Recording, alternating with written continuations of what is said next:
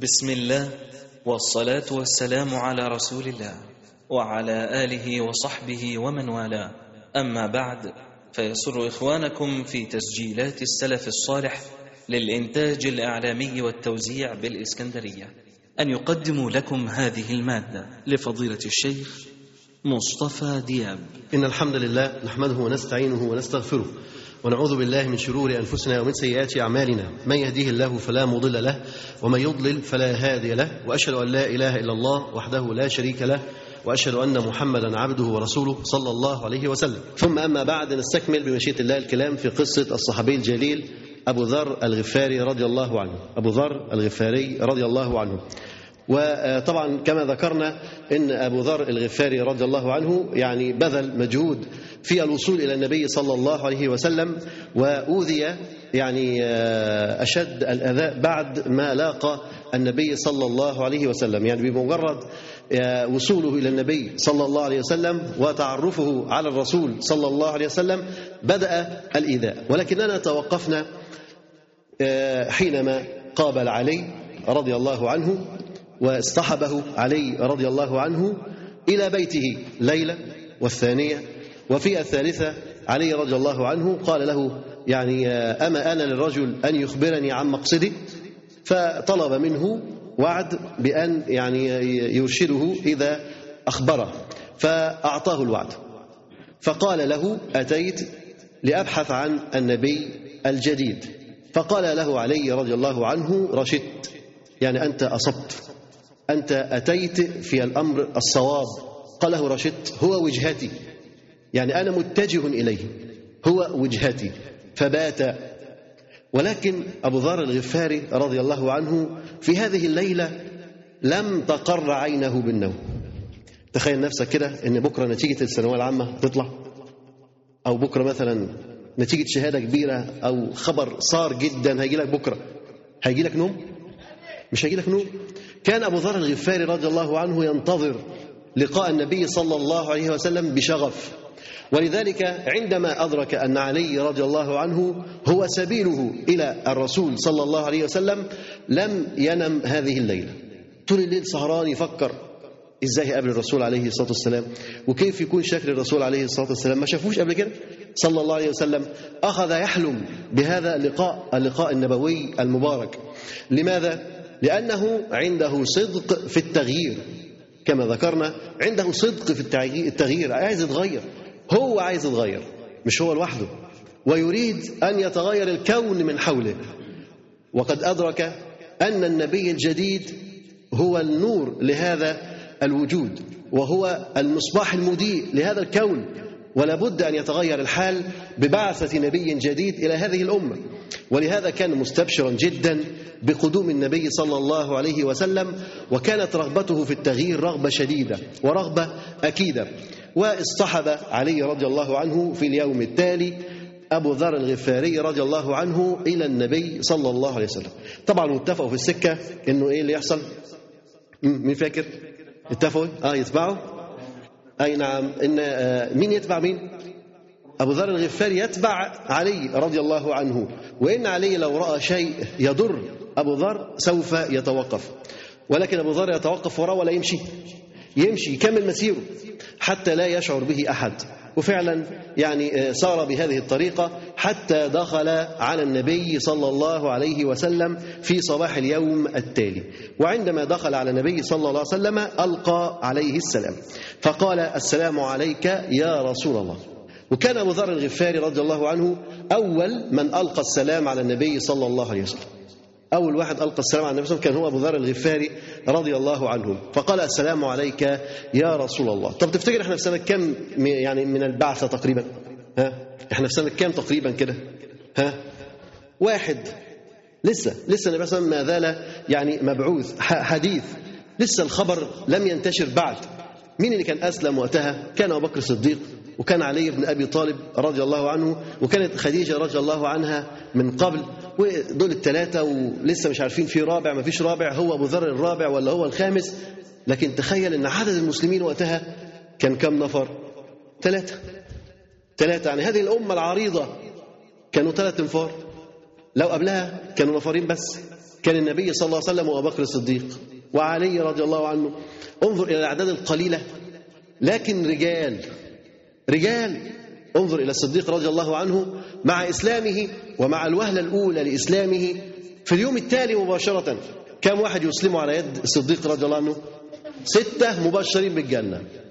60% من أهل الجنة. من مبشرين من الجنة. 60% يعني هم 10 مبشرين بالجنة. أبو بكر الصديق رضي الله عنه له نصيب ستة منهم. ده في اليوم الثاني مباشرة. أمال في الثالث والرابع والعاشر. وفي حياة الصديق رضي الله عنه أيوه كان كيف كان بذله رضي الله عنه؟ لا شك إن بذل عريض جدا. هؤلاء كانوا فعلا رجال. صدقوا ما عاهدوا الله عليه. صدقوا ما عاهدوا الله عليه. ضحوا بأنفسهم ضحوا بأرواحهم ضحوا بأموالهم ضحوا بكل ما يملكون حتى ينتشر هذا الدين. في الصباح التقى أبو ذر الغفاري رضي الله عنه بالنبي صلى الله عليه وسلم وقال السلام عليك يا رسول الله. فقال الرسول عليه الصلاة والسلام عليك سلام الله ورحمته وبركاته. فكان أبو ذر رضي الله عنه أول من حي الرسول صلى الله عليه وسلم بتحية الإسلام ثم شاعت بعد ذلك. أيضا يقال إن أبو ذر الغفاري رضي الله عنه يقول عن نفسه كنت رابع الإسلام. كنت رابع الإسلام. يعني هو كان رقم أربعة في المسلمين. كنت رابع الإسلام. يعني في وقت من الأوقات كان أبو ذر الغفاري لوحده يمثل 25% من المسلمين. ربع المسلمين في المجتمع. أبو ذر الغفاري لوحده. رجل يد أم بزهده وإخلاصه وصدقه وتقواه وإيمانه لله سبحانه وتعالى. رابع يعني الإسلام. أسلم يقول هو أسلم قبل ثلاثة فأتيت نبي الله صلى الله عليه وسلم فقلت سلام الله عليك يا نبي الله وأسلمت. فرأيت الاستبشار في وجهه. وده كان شأن الرسول عليه الصلاة والسلام. أنت تخيل أنت بني آدم بسيط متواضع ولما واحد يهتدي على إيديك تبقى أنت مبسوط قد إيه؟ تخيل إنت شوف إحنا مساكين وغلبانين خالص ما نعرفش حاجة في الدين يعني قشور. تخيل لو واحد أسلم على إيديك. قد إيه فرحتك وبهجتك وتمشي في الشوارع أسلم على إيديا واحد أسلم على إيديا واحد وينزل على النت أسلم واحد. مش كده؟ وتبقى فرحان جدا. وأنت شخص عادي. النبي صلى الله عليه وسلم صاحب هذه الرسالة عندما يسلم هذا الرجل بين يديه فاستبشر النبي صلى الله عليه وسلم. في مجتمع كله كفر كله ضلال كله أصنام. لما يدخل في الإسلام واحد اثنين ثلاثة بقوا أربعة يفرح النبي عليه الصلاة ولا إيه؟ ولا ما يفرحش؟ يفرح. استبشر النبي صلى الله عليه وسلم. يقول فرأيت الاستبشار في وجهه وكأن أبو ذر الغفاري كان يراقب ملامح وجه النبي صلى الله عليه وسلم. شاف الاستبشار في وجهه. تعرف الاستبشار شكله إيه؟ ها؟ حد يعرف الاستبشار شكله إيه؟ لما أنت مستبشر هنبص في وشك كده أحس إنك أنت مبسوط. ولما يكون أنت عندك عزاء هحس إنك أنت مكروب مش كده؟ هيبقى باين على وشك إنك أنت عندك حاجة. فالنبي صلى الله عليه وسلم رؤي الاستبشار في وجهه لما أسلم أبو ذر الغفاري رضي الله عنه. فقال من أنت؟ النبي بيسأله صلى الله عليه وسلم من أنت؟ قلت جندب رجل من غفار. قلت جندب رجل من غفار. قال فرأيتها في وجه رسول الله صلى الله عليه وسلم وكان فيهم من يسرق الحاج. يعني إيه فرأيتها في وجه رسول الله صلى الله عليه وسلم؟ ها؟ مين يقول لي؟ لك فرأيتها في وجه رسول الله. يقول له مين؟ مين أنت؟ قال له أنا جندب الغفاري. آه غفاري. تخرم الودن دي. كانوا بيعملوا إيه بيقطعوا الطريق. حرامية؟ أول ما واحد يسلم حرامي يعني رابع واحد يسلم حرامي. طبعا النبي صلى أول مرة استبشر. واحد دخل الإسلام وبعدين عرف إنه من غفار. ودول ما كانوش بيسرقوا أي حد. دول كانوا لا يتورعون ويسرقون الحاج الحجاج. طبعا ما كانوش الحجاج اللي هم بتوعنا بتوع اليومين دول. لا الحجاج اللي هم بيحجوا للكعبه بأصنامها على الشرك والكفر. فكانوا حتى دول مش عاتقينهم. كان يعدي الحاج رايح يعبد الأصنام يقوموا جايين قاطعين عليه الطريق وسافكين دمه واخدين أمواله. فالنبي عليه الصلاه والسلام عارف إن دول قطاعين طرق قاعدين في كل حتة يقطعوا الطريق على العباد. فرآها في وجهه صلى الله عليه وسلم. بانت الملامح بعد ما كان مستبشر عرف إنه من غفار زعل. ولكن هو أسلم. أسلم. لابد أن يقبله النبي صلى الله عليه وسلم. قال وكان فيهم من يسرق الحاج. طبعا الرسول عليه الصلاة والسلام في في رواية أخرى بيقول إن بعد ما سلم على النبي عليه الصلاة والسلام ثم قال ممن أنت؟ ممن أنت؟ قال قلت من غفار. فأهوى بيده فوضع أصابعه على جبهته. أول ما قال له من غفار. غفار. يعني كأنه حزن إن هو إيه؟ إن هو من غفار قال من غفار فأهوى بأصابعه على جبهته. فقلت في نفسي كره أن انتميت إلى غفار. طبعا فهمها. أبو ذر الغفاري فهم. الله عليه وسلم أتأثر. قال ده كاره إن أنا انتميت إلى غفار الدولة الحرمية ديت. فانتميت إلى غفار. فذهبت آخذ بيده. فأبو ذر الغفاري يعني راح يشيل إيد النبي صلى الله عليه وسلم كده. يعني ايده على رأسه كده غفار. والموضوع كأنه اثر فيه جامد يعني. فأبو ذر الغفار راح راح يشيل إيد النبي صلى الله عليه وسلم على وجهه. قال فذهبت آخذ بيده فقدعني صاحبه. قدعني صاحبه. مين صاحبه؟ أبو بكر ولا علي؟ ها؟ علي رضي الله عنه. هو اللي كان جنبه. فقدعني صاحبه. يعني يعني نهرني أو زجرني أو دفعني. ما تشدش إيد النبي صلى الله عليه وسلم. النبي صلى الله عليه وسلم حط إيده كده ما تشدهاش. لابد إنك تتأدب مع الرسول عليه الصلاة والسلام. انظر لسه مسلم بقاله لحظات ولا يمنع هذا أن أعلمه الأدب. انك أنت لا تتطاول على المعلم ولا المربي. حتى لو كنت أنت عايز يعني تزيل عنه الكرب والهم لا ما تمدش إيدك. اتكلم بلسانك لسانك. فقط. انظر النبي عليه وسلم كان شديد الفرح والسرور عندما سمع أن هذا الرجل أسلم. ولكنه لما عرف ان هو من غفار. حزن. ولكن هل يستمر هذا الحزن؟ وكان أعلم به مني. ثم رفع رأسه. النبي عليه الصلاة والسلام ما لبث أن رفع رأسه ثم قال متى كنت ها هنا؟ النبي عليه والسلام خلاص نسى الموضوع. قال له متى كنت ها هنا؟ أنت من إمتى هنا؟ قال على فكرة هو كان برضه معاهم في هذا المجلس أبو بكر الصديق رضي الله عنه كان معهم أيضا في هذا المجلس. فالمهم إن هو النبي صلى بيقول له متى كنت ها هنا؟ أنت من إمتى موجود في هذا المكان؟ قال قلت قد كنت ها هنا منذ ثلاثين بين ليلة ويوم. بقى له شهر بقى له شهر. قاعد يترصد أخبار الرسول عليه الصلاة والسلام. مستني يشوف الحركات مستني يعرف النبي عليه الصلاة والسلام. قال فمن كان يطعمك؟ كنت بتاكل منين؟ كنت بتاكل منين؟ فمن كان يطعمك؟ ده اللي لفت نظر الرسول عليه الصلاة والسلام. شهر. وانت غريب. بتاكل منين؟ فمن كان يطعمك. قال قلت ما كان لي طعام إلا ماء زمزم. إيه طعامه؟ كان ماء زمزم. ماء زمزم هو اللي كان بيأكله ويشربه. ماء زمزم بيتاكل لا ده بيشرب ولكنه هذا الطعام طعام طعم. هذا الشراب شراب زمزم طعام طعم. فقال آه ما لي طعام إلا ماء زمزم. قال فسمنت حتى تكسرت عقن بطني. سمن؟ لغاية ما بطنه بقت عاملة إيه؟ بقت عاملة كده مرهلة. من كتر إيه؟ من كتر أكنك تخيل أنت كل يوم تاكل وليمة كل يوم تاكل وليمة وليمة وليمة. هتتخن تبقى قد إيه؟ حاجة جامدة. هو بس بيشرب مية. ماء زمزم ماء مبارك. يقول فسمنت. حتى يعني رأى عقن بطنه. يقول وما أجد على كبدي صخفة جوع. ما يشعر بالجوع أبدا. فيه بركة ماء مبارك. قال إنها مباركة. النبي عليه الصلاة والسلام قال إنها مباركة إنها طعام طعم. فقال أبو بكر يا رسول الله ائذن لي في طعامه الليلة. طبعا بكر الصديق شاف واحد واقع بقاله شهر ما بياكلش. إيه رأيك يعزمه على العشاء ولا برضه ينسى وكانه ما سمعش حاجة؟ واحد يقول لك أنا بقالي شهر ما أكلتش. تقول له بعدين عملت إيه؟ يا راجل عزمه على العشاء. عزمه على العشاء ما تعداش كده. فطبعا أبو بكر الصديق رجل كريم ما عداش الموضوع كده. فقال له يا رسول الله ائذن لي في طعامه الليلة. فانطلق رسول الله صلى الله عليه وسلم وأبو بكر وانطلقت معهما. يعني النبي عليه الصلاة والسلام من شدة إكرامه له ما قالوش لأبو بكر الصديق خذوا معاك. ولكن ده ذهب النبي عليه الصلاة والسلام معهما حتى يتناولا الطعام. يقول وانطلقت معهما ففتح أبو بكر رضي الله عنه بابا فجعل يقبض لنا من زبيب الطائف وكان ذلك أول طعام أكلته. طلع لهم زبيب. ده بيقول لك أول طعام يأكله من شهر. ده بدأ يأكل إيه؟ الزبيب رضي الله عنه. كان طبعا ده كان إيه فقرة كده من إسلامه رضي الله عنه ثم دخل على الرسول عليه الصلاة والسلام وأراد أن يتعرف على هذا الدين. فيقول أقبل الرسول صلى الله عليه وسلم عليه يعني على أبو ذر رضي الله عنه يدعوه إلى الإسلام ويقرأ عليه القرآن. النبي دخل يدعوه إلى الإسلام يعني يعرفه بهذا الدين ويدعوه إلى الإسلام ويعرفه ويعلمه شيء من القرآن يقرأه عليه. يسمعه شيء من القرآن. فما لبث أن أعلن كلمة الحق. فما لبث أن أعلن كلمة الحق. بمجرد ما سمع كلام النبي صلى الله عليه وسلم استجاب ولا قعد يجادل قعد يناقش. لا هو ينتظر كلمة الحق. هو ينتظر شعاع النور. فعندما رأى شعاع النور لم يجادل.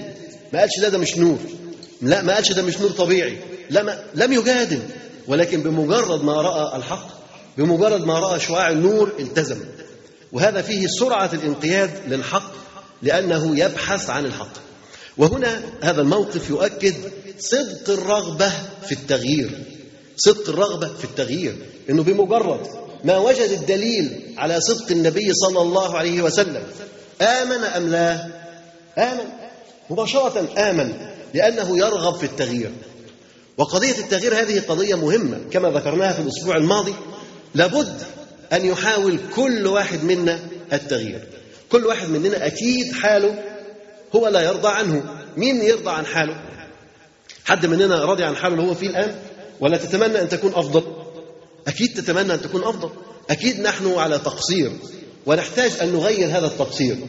منا من لا يهتم بسنة النبي صلى الله عليه وسلم؟ منا من يخالف أمر النبي صلى الله عليه وسلم؟ منا من يرتكب الذنوب والمعاصي والمحرمات؟ منا من يجاهر بمعاصي الله سبحانه وتعالى ليل نهار؟ منا من منا من كثير لكن كل هؤلاء يرغبون في التغيير. كل هؤلاء يرغبون في التغيير. تسأله أنت مثلا مش بتصلي ليه؟ يقول أنا والله عايز أصلي. أنا نفسي أصلي. أنا كل ما أصلي أقطع هو عايز يغير عايز يصلي وعايز يبقى كويس. تيجي تقول له أنت عمال تشرب سجاير يقول لك والله نفسي أبطلها. ادعي لي أبطلها. ادعي لي أبطلها. طب أنت ليه مش بتدعي؟ وأنت ليه ما بتبطلهاش؟ وأنت ليه ما تاخدش خطوات إيجابية؟ يقول لك ادعي لي أبطلها. تيجي واحد مثلا مش ملتحي مش ملتحي ليه؟ يقول لك والله نفسي ألتحي. بس شوية ظروف وذنوب وربنا يعافيني. وادعي لي ادعي لي برضه. ادعي لي ألتحي. كل واحد عايزك تدعي له وكل واحد عايز يتغير. يجي حتى اللي بيعاكس البنات في الشوارع ده تقول له مش عيب عليك مش حرام عليك يقول لك والله أنا نفسي معاكس. بس هم اللي بي... اللي بيقفوا قدامي هم اللي بيعكسوني وهم وهم وهم. لا ما هو اليومين دول هم اللي بيعكسوني ما عادش أنت اللي بتعاكس وبس ده أنت ممكن تتعاكس. فهو بيقول لك هم اللي بيعكسوني وأنا أعمل إيه؟ أنا ما أقدرش أنا ضعيف قدام الحاجات ديت وقدام النساء أنا ضعيف أنا نفسي أتغير نفسي أبقى كويس نفسي أبقى أحسن من كده نفسي أبقى أفضل من كده. طب نفسك تبقى أفضل؟ ليه ما قطعتش التليفونات اللي معاك؟ ليه ما كنسلتش على المواعيد اللي معاك؟ ليه ما قلتش كلمات وحشة للبنات اللي مدينك مواعيد دول عشان يطفشوا؟ لازم تقول كلمات حنينة عشان تجذبهم؟ لابد انك تطفشهم. فين عزمك على التغيير؟ فين رغبتك في التغيير؟ لابد إن الإنسان يكون عنده رغبة في التغيير وأعجز شيء إن الإنسان يفقد الرغبة في التغيير إنك تفقد الرغبة في التغيير دي مأساة مأساة وتدل على قمة العجز تخيل مثلا إن واحد خلاص بقى مشلول. مشلول. قاعد على الكرسي مش بيقدر يقوم. وبعدين بص لقى الدنيا بتولع قدامه. هل ممكن يفكر إن هو يقوم يطفي الحريقه أحيانا ممكن يفكر بس في أحيان تانية يقول لك أنا مشلول. أنا أصلا هتحرك ليه؟ أنا هحرق دمي ليه؟ ما تسيب اللي يتعارك يتعارك وسيب اللي يتحرق يتحرق وسيب اللي تسيب. يفقد الرغبة في إنه يغير مع إن في غيره مشلول ويحاول يقوم ويقع. وتبص ليه يقع؟ مفيش مشكلة. ده لسه عنده حياة لسه عنده رغبة في التغيير. لكن انت لما تقعد كده وتشوف المنكر قدامك وما يهونش عليك تنكر المنكر تفقد الرغبة في التغيير. ما عندكش رغبة إنك تغير. وهذه مأساة. هذا يدل على مرض في القلوب. إنك أنت مش بتفقد القدرة على التغيير. إنك مش قادر تغير. إنك عندك موانع وحواجز مش قادر تغير. لا. ده أنت فاقد الرغبة. يعني مش عايز. يعني تقدر ومش عايز. وهذه مأساة انك أنت تقدر تقلع عن الذنوب لكن أنت اللي مش عايز. إنك تقدر تطيع ربنا عز وجل لكن أنت اللي مش عايز. أنت اللي فاقد الرغبة في التغيير. وهذه مسألة كما ذكرنا خطيرة جدا. ولا بد إن الإنسان يصدق مع ربه سبحانه وتعالى. بس كنت فعلا صادق في إيمانك يبقى لابد إنك تكون صادق في تغيير نفسك. تغير نفسك حتى تكون كما أمر الله سبحانه وتعالى وكما أمر النبي صلى الله عليه وسلم. لابد أن تستقيم فاستقم كما أمرت ومن تاب معك. النبي صلى الله عليه وسلم مأمور بهذا الأمر فاستقم كما أمرت. ربنا عز وجل يخاطب من؟ يخاطب النبي صلى الله عليه وسلم وحده. ومن تاب معك. كل من آمن وتاب مع النبي صلى الله عليه وسلم أيضا معنيون بهذا الخطاب. فاستقم كما أمرت. انظر الاستقامة مطلوبة. استقامة الجوارح استقامة القلب استقامة اللسان الاستقامة بصفة عامة مأمور أنت بها أنك تستقيم على أمر الله وشرع الله عز وجل. كونك تفقد الرغبة في الاستقامة أو تفقد الرغبة في التغيير فهذا عجز. لابد أنك أنت تتوب منه وتقلع منه حتى تعود شخصية إيمانية أو شخصية جديدة. يكون عندها الرغبة في القبول الرغبة في دخول الجنة الرغبة في أن تستقيم على أمر الله سبحانه وتعالى. فكان أبو ذر الغفاري رضي الله عنه واحد من هؤلاء الذين صدقوا في لهجتهم.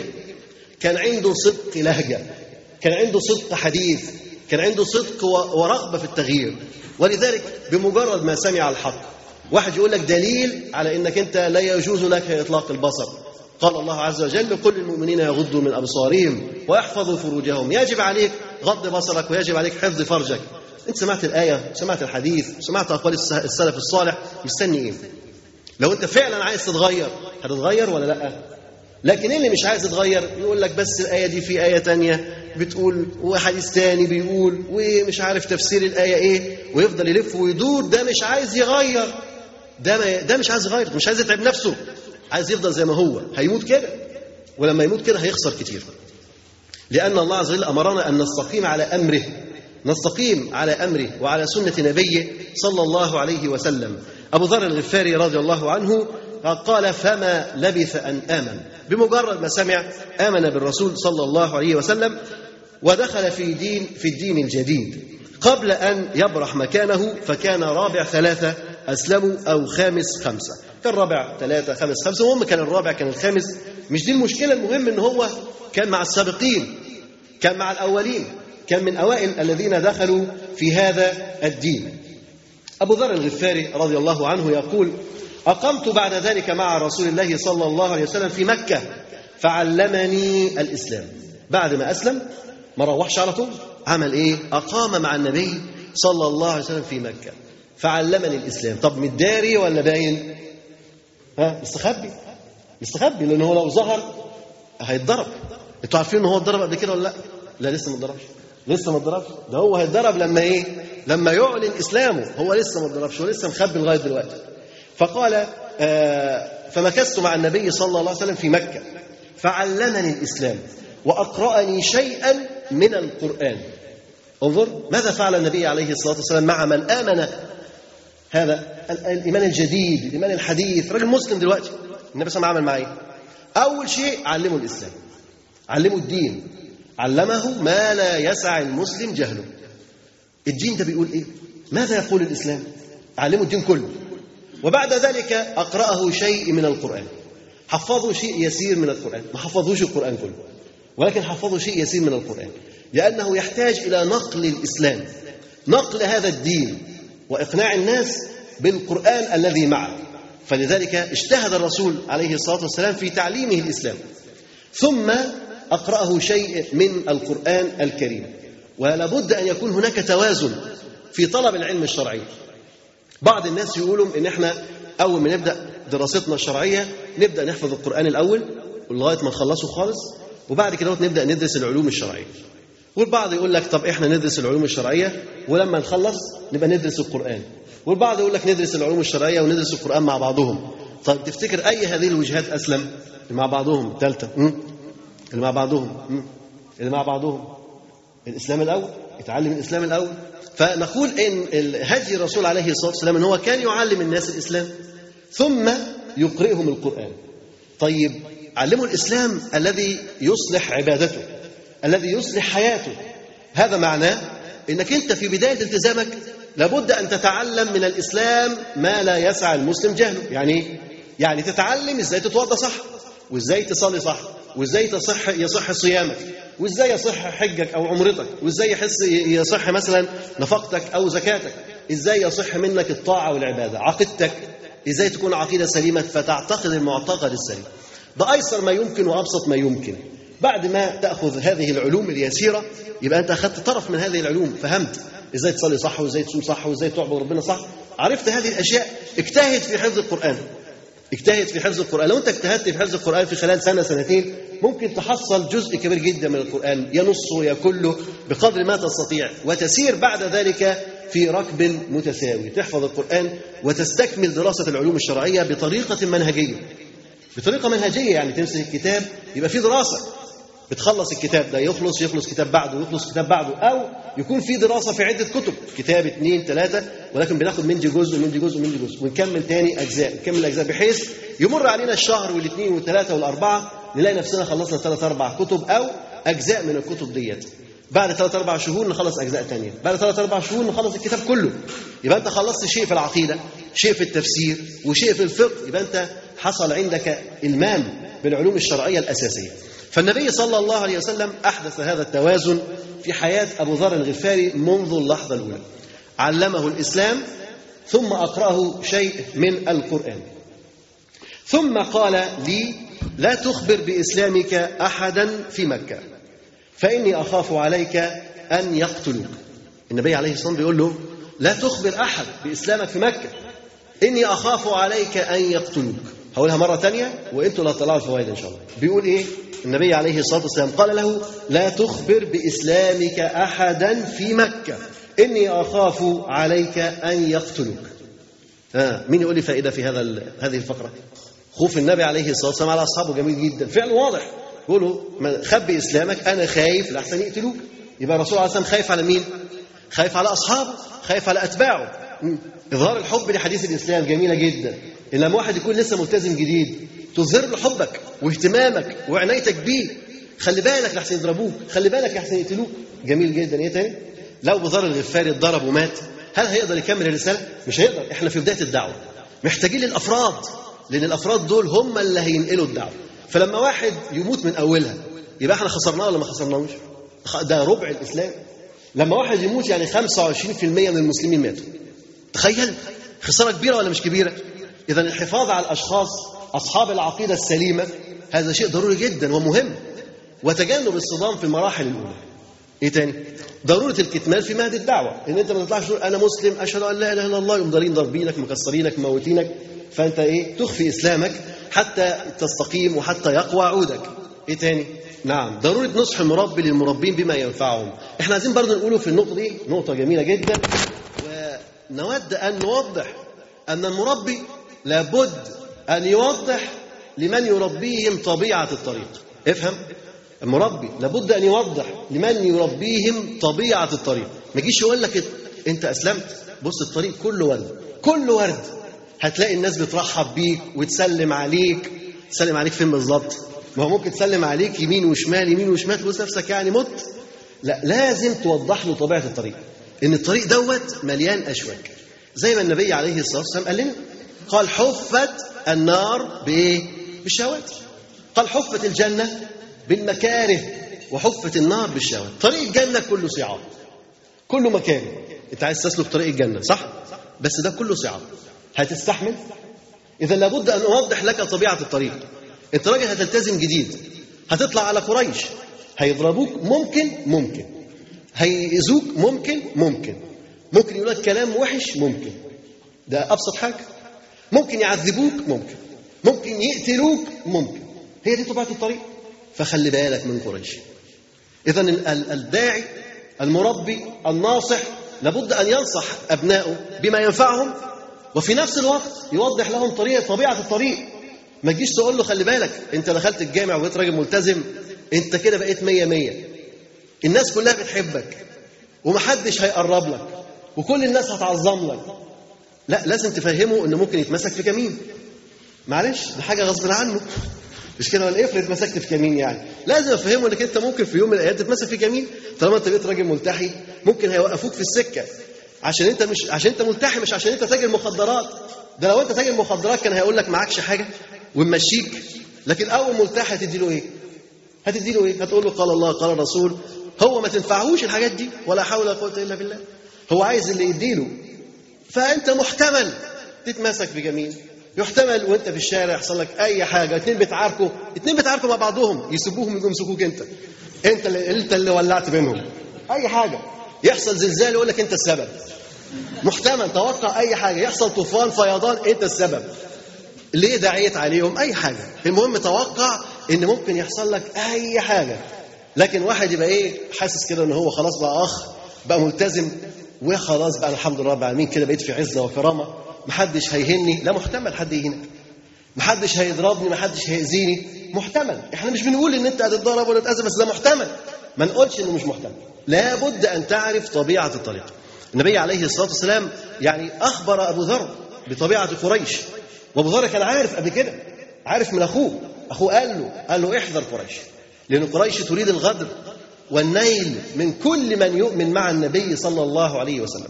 إذا توضيح طبيعة الطريق شيء مهم جدا. نحن لا نتمنى البلاء ولا نحب البلاء ولكن لو الإنسان وقع في البلاء ما يبقاش مفاجأة بالنسبة له. ما يبقاش مفاجأة. يقول لك أنتوا ماسكيني ليه؟ أنا أقول قال الله قال الرسول. ما هي دي المشكلة؟ هي دي المشكلة؟ هي دي القضية. إنك بتقول قال الله قال الرسول. هي دي القضية مش غيرها. أنت راجل صاحب فكر صاحب منهج صاحب دين صاحب قيم صاحب مبادئ. أنت كده عدو؟ هي دي قضيتك أنت. أنت فاهم أنت قضيتك إيه؟ أنت قضيتك مسلم. قضيتك إنك مسلم. ولذلك كل واحد مننا صاحب قضية. ولا أنت مش صاحب قضية؟ أنت صاحب قضية تدعو إلى الله عز وجل وتريد أن تبلغ هذه الرسالة. وفي نفس الوقت ممكن يعمل لك قضية إنك مسلم. بأي سبب وبأي طريقة لابد إنك أنت تتوقع إن الطريق فيه صعاب. الطريق فيه أشواك. أعداء الإسلام كتير. أعداء الإسلام يريدون أن ينالوا من المسلمين. في عهد الرسول عليه الصلاة والسلام أرادوا تكفيف منابع الدين منذ اللحظة الأولى. أي واحد يقرب للنبي صلى الله عليه وسلم على طول. يتضرب ويتقتل ويت... مباشرة. لماذا؟ حتى لا يقترب إليه أحد. حتى لا يقترب إليه أحد. أي حد يقرب. على طول يضربوه يعذبوه يبعدوه. حتى لا تكبر هذه القاعدة ولا هذه الدعوة ولا هذا العمل. لا ينمو لا يكبر يموت في مهده. لكن نور الله عز وجل واصل إلى هؤلاء الناس أجمعين. أبو ذر الغفاري رضي الله عنه سمع من الرسول عليه الصلاة والسلام هذه الكلمات. قال لا تخبر بإسلامك أحدا في مكة. فإني أخاف عليك أن يقتلوك. أخاف عليك أن يقتلوك. طيب رد فعل النبي عليه الصلاة والسلام. فقلت والذي نفسي بيدي. أبو ذر بيقول والذي نفسي بيدي. بيحلف بالله.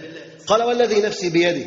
لا أبرح مكة حتى آتي المسجد وأصرخ بدعوة الحق بين ظهراني قريش. بيقول للنبي والله ما أناش ماشي من هنا غير لما أدخل قريش ونادي في وسطهم وأصرخ بأعلى صوتي بدعوة الحق. مرة أخرى قال فوالذي نفسي بيدي. لا أبرح مكة. حتى آتي المسجد وأصرخ بدعوة الحق.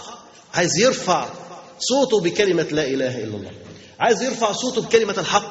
عايز يوصل النور للناس حتى لو كان غصب عنهم.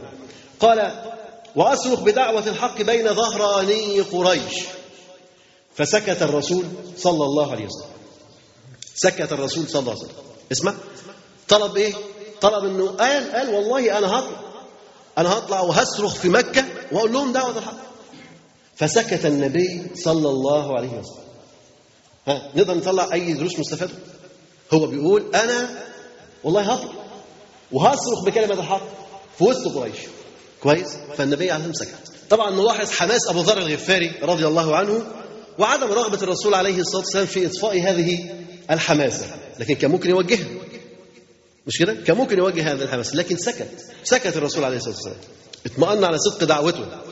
اطمأن النبي صلى الله عليه وسلم على صدق دعوته هو.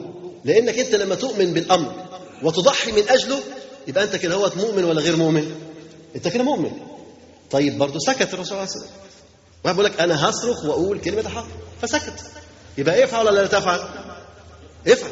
هو قال رضي الله عنه والذي نفسي بيده لا أبرح مكة حتى آتي المسجد وأصرخ بدعوة الحق بين ظهراني قريش. فسكت الرسول صلى الله عليه وسلم. هو مطلب أبو ذر الغفاري ده مطلب محمود ولا غير محمود؟ مطلب محمود. ولكن ننظر أنت أحيانا تكون عايز تعمل حاجة كويسة لكن الشيء الطيب اللي أنت عايز تعمله ده أحيانا يكون له أضرار. فلو كان الضرر متعدي لا يجوز لك أن تعمله. لو الضرر متعدي لا يجوز لك أن تفعله. لكن لو الضرر واقع عليك أنت لوحدك وأنت قادر على تحمله ممكن تفعله أو لا؟ ممكن تفعله. زي مثال أبو ذر؟ أبو ذر هيقول لا إله إلا الله محمد رسول الله وعارف ديته. هيتضر هو مستحمل الضرر هو مستحمل الضرر هذا بلاء. أنا لا أطلب البلاء. ولكن افرض واحد قال أنا ممكن أعمل كذا وكذا وكذا. طالما ده لا يعود بضرر على الآخرين يبقى ممكن إن هو يعمله طالما لا يعود بضرر على الآخرين يبقى ممكن إن هو يعمله لكن لو يعود بضرر على الآخرين يبقى لا يجوز له أن يفعله لأن هو في نسيج دعوة رغم إن الدعوة ثلاث أربع أنفار. لكن لما هيعمل كده هيضر نفسه ولا هيضر الدعوة؟ هيضر نفسه. إن هو بس اللي هيضرر لكن الدعوة مستمرة. فلما كان الضرر واقع عليه وحده والنبي صلى الله عليه وسلم رأى صدقه وإن هذا الرجل يريد أن يفعل شيء لله سبحانه وتعالى ويريد أن يبتلى في سبيل الله عز وجل أبو ذر الغفاري كما قلنا كان شجاعا كان يقطع الطريق وحده. كان يقطع الطريق وحده. عايز يكفر عن سيئته. عايز يكفر عن خطاياه. كما كان يقف هذه المواقف يريد أن يقف مواقف لله سبحانه وتعالى. يبقى شجاع قدام القافلة وقدام العير وقدام الأموال وقدام الكفار ما يبقاش شجاع. أراد أن يثبت هذه الشجاعة وهذه القوة وأن يصرخ بكلمة الحق. فسكت النبي صلى الله عليه وسلم. لم يقل له افعل أو لا تفعل. لم يعني يكسر من أمره صلى الله عليه وسلم. فسكت الرسول عليه الصلاة والسلام. قال فجئت المسجد وقريش جلوس. جه بقى ينفذ فعلا. فجاء المسجد وقريش جلوس. يتحدثون. فتوسطتهم. يعني جه في وسطهم وقف. تخيل كده قريش قاعدة. كل بقى صناديد قريش قاعدين. وقام جاي أبو جهل قاعد وابو أبو لهب قاعد وأبو سفيان قاعد وكل الناس اللي هم الطواغيت قاعدة.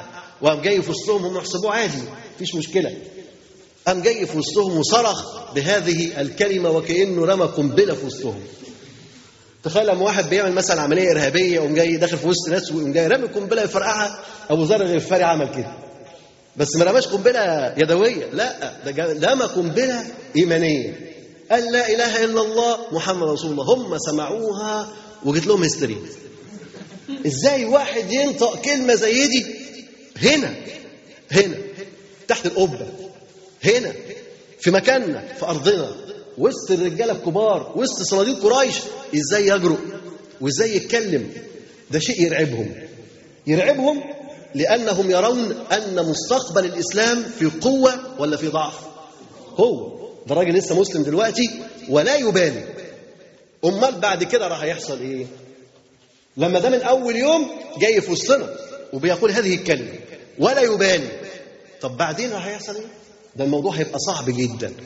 فقريش طبعا ما طاقتش وما استحملتش ولسه قريش عندها عزة وجبروت وكبرياء وممنوع حد يقول كلام غير كلامنا وهي بس القوانين بتاعتنا. لسه ما بيسمحوش بقوانين تانية ما بيسمحوش بآراء تانية ما بيسمحوش بأي أفكار تانية. كل ده ممنوع ممنوع. لسه أصحاب قوة وشوكة. فطبعا لما سمع أبو ذر الغفاري بيقول هذه الكلمات كان لابد إن هم يقفوا معاه إيه؟ موقف إيجابي. طبعا تخيل أنت مواقف الإيجابية من قريش هيبقى شكلها إيه؟ طبعا بقى إيه؟ هيكون كله كما تعرفون. يقول فجئت المسجد وقريش جلوس يتحدثون فتوسطتهم وناديت بأعلى صوتي يا معشر قريش إني أشهد أن لا إله إلا الله وأن محمد رسول الله. فما كادت كلماتي تلامس آذان القوم حتى ذعروا جميعا. تخضوا ترعبوا. دي كلمة. دي كلمة. ده ما قالش حاجة. دي كلمة. لم يرعبهم بشيء. لا معاه سيوف ولا معاه خيول ولا داخل مثلا بكتيبة. لا لا لا. ده لوحده. وأعزل. وبيقول لا إله إلا الله محمد رسول الله. بس ذعروا ترعبوا. ذعروا من مستقبل هذه الكلمة. ذعروا من القوة التي في هذه الكلمة يخافون على أنفسهم. هذه الكلمة تزعزع عروشهم. فذعروا جميعا وهبوا من مجالسهم وقالوا عليكم بهذا الصابئ. روحوا هاتوا الكافر ده. ده هو ده؟ أبو ذر صابئ. بس ده مش من قريش. هم بيكفروا كل حد من قريش مش من قريش. أي حد يدخل في دين الإسلام يبقى صابئ. طب كفاية اللي من قريش؟ لو دخلوا دين الإسلام نقول عليهم صبأوا. لكن ده من بره قريش برضه. ممنوع دخول أي حد في الإسلام. لا من بره ولا من جوه. يريدون أن يجففوا الدخول في هذا الدين بكل طريقة. يريدون سد الأبواب في كل مكان. ممنوع أي حد يدخل الإسلام. سواء كان من غفار أو من غيرها. ممنوع. فقالوا أعليكم بهذا الصابئ. وقاموا إلي وجعلوا يضربونني لأموت. جعلوا يضربون إيه؟ لأموت. يعني ضرب هزار؟ ضرب بجد ولا ضرب مش ضرب بجد ده ضرب موت. يعني مثلا في ناس لما تيجي تتعارك تتعارك مع بعضيها فيخبطوا أي خبطة كده هوت. يعني عشان يعوروا. يعوروا بس يورم عينيه يورم إيديه يكسر رجليه حاجة بسيطة. لكن في واحد تاني بيبقى غشيم في العراك يقوم داخل بالخنجر يقوم ضربه في رقبته. ده موته. ده خلاص جاب من الآخر. هم بقى كده داخلين يضربوا بخشب. بيقول بيضربوه عشان يموتوه. ملوش داعي عندهم. إيه ده؟ دي الدرجة دي. حقدهم وكرههم لكل اللي بيدخل في الإسلام. آه. فقال رضي الله عنه وقاموا إلي وجعلوا يضربونني لأموت. يضربونني لأموت. وفي قول آخر هم أخذوا يضربونني. يضربونني حتى لم أفق. فلما أفاق قام كالنصب الأحمر. لما فاق بص لنفسه عامل زي العمود الأحمر. عارف العمود الأحمر؟ نصب أحمر. من إيه من الدم. من الدم. يعني جابوه ألوان. بالدم قال وقاموا إلي وجعلوا يضربونني لأموت. فأدركني العباس ابن عبد المطلب عم النبي صلى الله عليه وسلم. البحنين. وأكب علي ليحميني منهم. عايز يحميه من قريش والكفرة دول. عايز يحميه منهم. ثم أقبل عليهم. إيه سبب حمايته؟ إيه سبب قلبه اللي عمال يغلب. يغلب الحب وال إيه بيعمل كده ليه؟ قال ثم أقبل عليهم وقال ويلكم أتقتلون رجلا من غفار وممر وممر قوافلكم عليهم فأقلعوا عنه. لو تقتلوا واحد من غفار ويلكم هلاك لكم. تقتلون رجلا من غفار وممر قوافلكم عليهم. طب أنتوا قتلتوه. القوافل بتاعتكم بتعدي منين؟ من عندهم هيسيبوكوا ولا هياخدوا بالطار؟ هياخدوا بالطار اذا ده ما كانش خايف على الدين الموضوع مش موضوع دين عنده بقى مين أهم ومين أغلى التجارة ولا الدين؟ التجارة لو كان الدين غالي كان قال مش مهم التجارة اقتلوه صح؟ كانوا خلصوا عليه ده راجل المفترض إن هو كده هوت بيعيب آلهته وكده هوت هو بيسب آلهته طب ده هم عندهم يقتلوه؟ طب ما قتلوش ليه؟ مش خايفين على دينهم. دول خايفين على فلوسهم خايفين على تجارتهم وهو ده حال أهل الدنيا. لا قيمة للدين عندهم ولا قيمة للمبادئ والقيم. أهم حاجة الدرهم والدينار. في فلوس يبقى كويس معاك ويبيع ويشتري. حتى لو كنت قاتل أبوه وأمه وعيلته مفيش مشكلة إن هو يتاجر معاك ويتحالف معاك طالما في ربح. طالما في ربح. طالما في معاملة. يكسب من ورائها فهو يبيع كل شيء.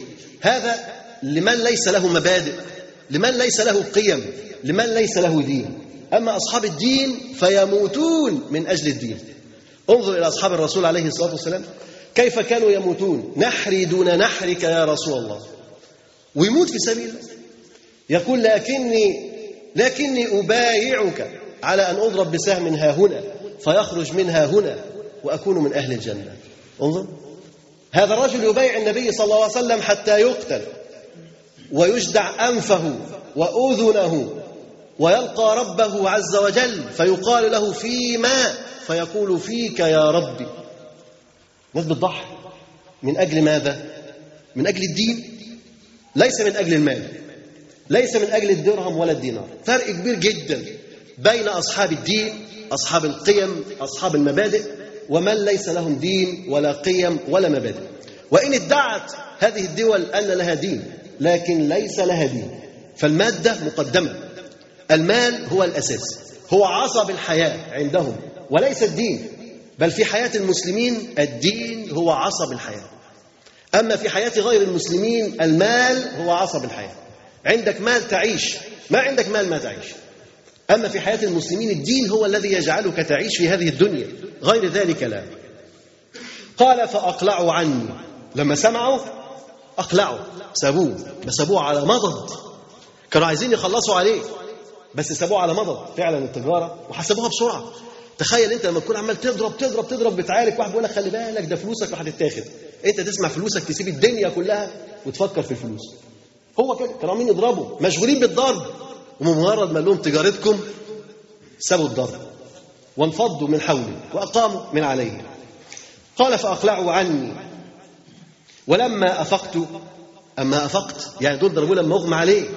ولما أفقت جئت إلى رسول الله صلى الله عليه وسلم.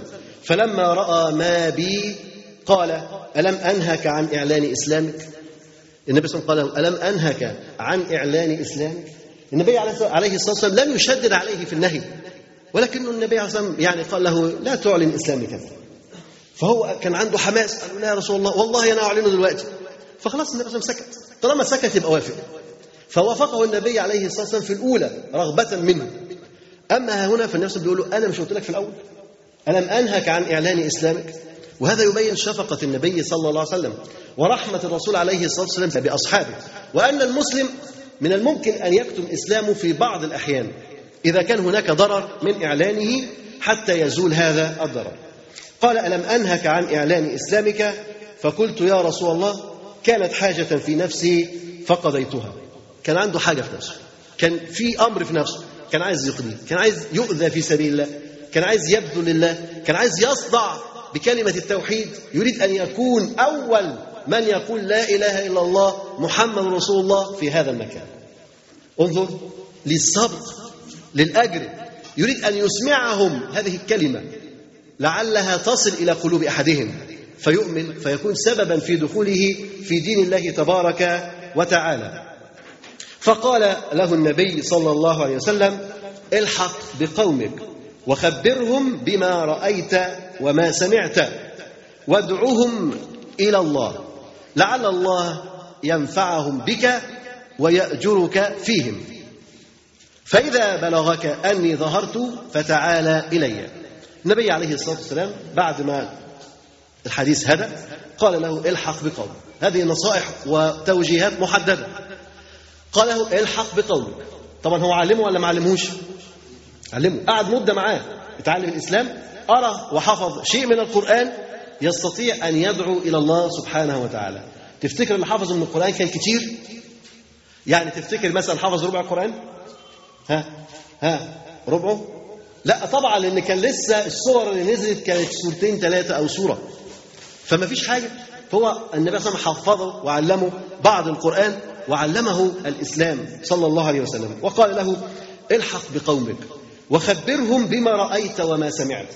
بما رأيت من أحوال الرسول صلى الله عليه وسلم وما رأيت من اضطهاد المشركين للنبي صلى الله عليه وسلم وما سمعت من دين وعقيدة ومبادئ اذهب إلى قومك وبلغهم وادعوهم إلى الله وادعوهم إلى الله. ده لسه حديث إسلام.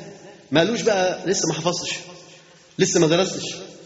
لا النبي عليه الصلاة والسلام يقول بلغوا عني ولو آية. آية تعرفها وتعرف معناها وتعرف أحكامها بلغها علمها أي مسألة شرعية تدرسها وتفقهها كويس وتعرف يعني أدلتها انقلها علم الناس بلغ الناس. فكل واحد مننا ممكن هو يبقى له الجهد ويبقى له دور ويبقى له عمل يقوم به حتى يخدم هذا الدين. مفيش واحد يقول لك ما أعرفش مفيش واحد يقول ما أقدرش. كل واحد ممكن يخدم هذا الدين من أي زاوية ومن أي باب.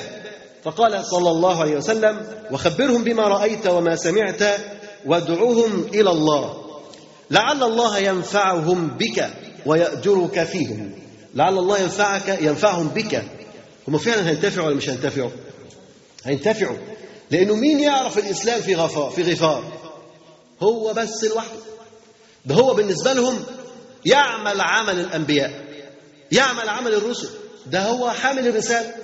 هو بالنسبة لهم هو مبلغ هذه الرسالة. فقال لعل الله ينفعهم بك ويأجرك فيهم. كام واحد أسلم من غفار؟ أو كم واحد ممكن يسلم من غفار كتير؟ مش كده؟ كل اللي هيسلموا من غفار على إيد أبو ذر الغفاري. أجرهم فين؟ يرجع إلى أبي ذر رضي الله عنه. تخيل لما انت يبقى لك الأجر ده بقى. تخيل لما انت تدخل في مكان وما يكونش فيه ناس ملتزمين. وتبذل جهدك في الدعوة إلى الله سبحانه وتعالى. وربنا يهدي على إيدك واحد واثنين وثلاثة وأربعة وعشرة وخمسين ومية. دول كلهم أجرهم فين؟ عندك أنت. يرجع إليك. حط نفسك في أي مكان. أنت مثلا شغال في مصلحة حكومية مثلا. في شيء في مكاتب وفي موظفين وفي عمال وفي وفي. اختلاطك بالناس ديت لمدة طويلة. أين الثمرة؟ أين النتيجة؟ أين الجهد الذي تبذله؟ لابد يكون في ثمرة. لابد أن يكون لك أثر.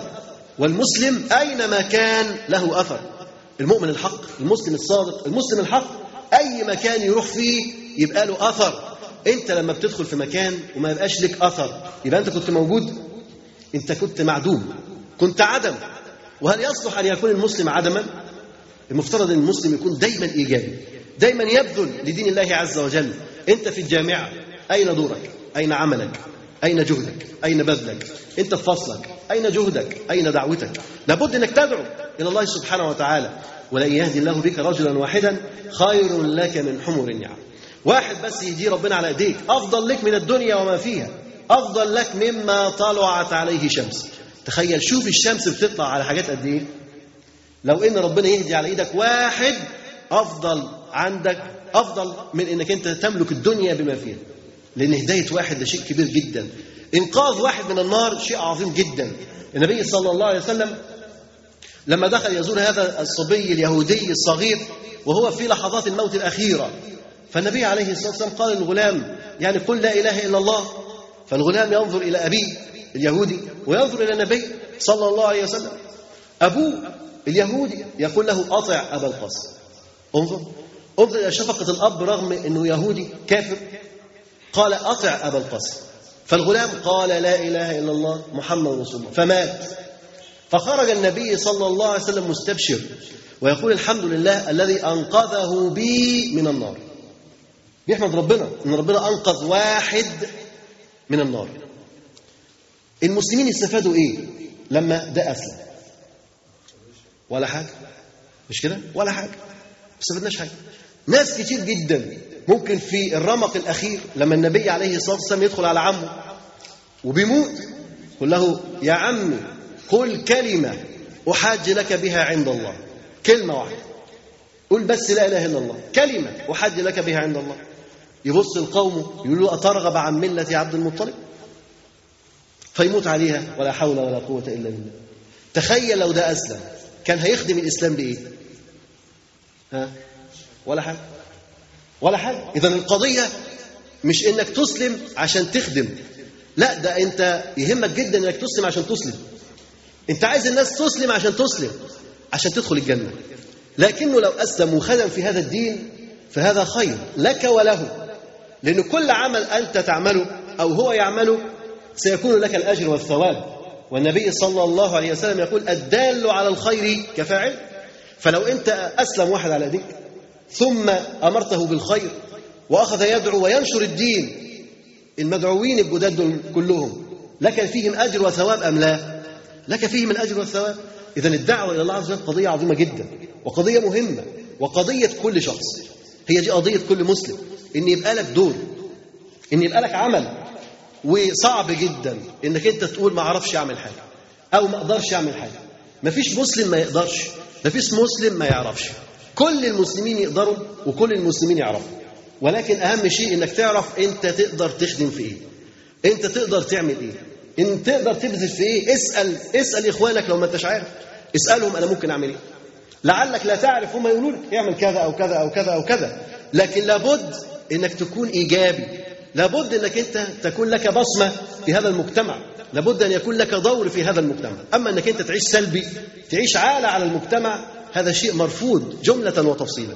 النبي عليه الصلاة والسلام أمر أبو ذر الغفاري رضي الله عنه أن يرجع إلى قومه وأن يدعوهم إلى الله وأن ينقل لهم الصورة التي شاهدها من ألم وتعذيب واضطهاد و... وإسلام وإيمان ونور وقرآن ويدعوهم إلى الله لعل الله أن ينفع به وأن يأجره فيهم. ثم قال صلى الله عليه وسلم فإذا بلغك أني ظهرت فتعال إلي. لما تسمع بقى بي أن أنا خلاص ظهرت وبقيت قوي تعال النبي عليه الصلاة والسلام تركه يرجع إلى بلده. كان محتاجه ولا ما كانش محتاجه؟ كان محتاجه ولا ما كانش محتاجه جنبه؟ كان محتاجه. لكن لما يكون مكان فيه اضطهاد وتضييق برضه أفضل شغال في المكان اللي فيه اضطهاد وتضييق ده؟ ولا نوسع الدايرة شوية برضه؟ وسع الدايرة. فأرسله إلى غفار. مين هيقدر يروح غفار ويضغط على أبو ذر الغفاري هناك؟ مفيش. سيب ذر الغفاري يشتغل هنا. وسيب واحد ثاني يشتغل هنا. واحد ثاني يشتغل هنا. واحد ثاني يشتغل هنا. يبقى الضغط هنا بس. الضغط في النص بس. الضغط عند النبي صلى الله عليه وسلم فقط. لكن الأطراف كلها تعمل أم لا؟ واحد زي مصعب بن عمير. المدينة أسلمت على إيه مش كده؟ حد كان بيضغط على مصعب بن عمير في المدينة؟ ده كان شغال دعوة إلى الله عز وجل في النور. يدخل هنا ويدخل هنا ويدخل هنا في كل مكان. هو كان نور يدخل في قلوب الناس وفي بيوت الناس. النبي عليه الصلاة والسلام دخل المدينة وهي ترحب به. ما كانش مستنياه لا بالسيوف ولا بالحراب لا دي كانت مستنياه بالترحيب. كل يوم يطلعوا على الشجر ينتظروا مجيء النبي صلى الله عليه وسلم. أثر دعوة من هذه؟ مصعب بن عمير أبو ذر الغفاري لما بلده تسلم قبل ما النبي عليه الصلاة والسلام يزورها ولا يشوفها ولا يعرفهم أثر من هذا؟ أبو ذر تخيل لو أن مصعب فضل قاعد جنب النبي صلى الله عليه وسلم. وأبو ذر الغفاري قاعد جنب النبي صلى الله عليه وسلم. كانوا اتقتلوا ولا ما اتقتلوش؟ كانوا اتقتلوا خلاص كانوا خلصوا من زمان. ولكن النبي عليه الصلاة والسلام أراد أن ينشر هذا الدين. يتحمل هو المتاعب والعقبات والمشق هنا. لكن أتباعه يعملون هنا وهناك. فينتشر هذا الدين في كل مكان. فلما يظهر النبي صلى الله عليه وسلم ويقوى وينتشر أمره ارجع إليه. هنكون محتاجين إلى تنظيم صفوفنا وترتيب أوراقنا. وأن يكون في بقى جيوش النظامية ويكون الدولة ويكون في كيان الإسلامي نحتاج إلى أن نجمع الشمل نجيب ده من هنا وده من هنا وده من هنا لكن الكل بيعمل بمنهج واحد ودين واحد وفكر واحد لنبي واحد صلى الله عليه وسلم. إذا النبي صلى الله عليه وسلم كان بيخطط لمستقبل عام للدعوة مستقبل كبير ولذلك أرسل أبو ذر الغفاري رضي الله عنه إلى بلده. قال أبو ذر فانطلقت خلاص ما يقدرش يخالف. المرة دي ما يقدرش يخالف. ليه بقى؟ عشان إيه؟ ما يقدرش ليه؟ جرب في المرة الأولى. مم. مم. مين؟ ما يقدرش ليه المرة دي يخالف أمر النبي صلى الله عليه وسلم؟ عشان ده أمر. وإيه تاني؟ عشان ما يضربش برضه أبو ذر الغفاري يخاف من الضرب. أبو ذر الغفاري يتمنى أن يروح يتضرب تاني وتالت ورابع وعاشر. مفيش مشكلة. مش أبو ذر اللي خاف من الضرب. ده أنت اللي تخاف من الضرب. لكن ال... أبو ذر الغفاري مش خاف من الضرب. ده نفذ التعليمات المرة دي عشان في حاجات. ها؟ عايز ينشر الدعوة. النبي عليه الصلاة والسلام وضح له الأمر. قال له روح ادعوه. لعل ربنا ينفع بيك. لعل ربنا يأجرك فيهم. يبقى بين له الطريق بتاعه. بين له هدفه. بين له دوره. بين له عمله اللي هيروح يعمله. أدرك أن له دور وأن له مهمة. لابد أن ينجزها. ولذلك كان لابد أن يسافر وأن يرجع إلى بلده ويبدأ في الدعوة إلى الله. مش يرجع ينام يقول أصل بقى متعب أنا مرهق أنا؟ يرجع يدعو إلى الله سبحانه وتعالى من أول لحظة. قال فانطلقت حتى أتيت منازل قومي فلقيني أخي أنيس فقال ما صنعت؟ أخوه طبعا اللي كان بيرعى أخواته اللي بيرعى أولاده. فقال له ما صنعت؟ عملت إيه؟ قال ما صنعت.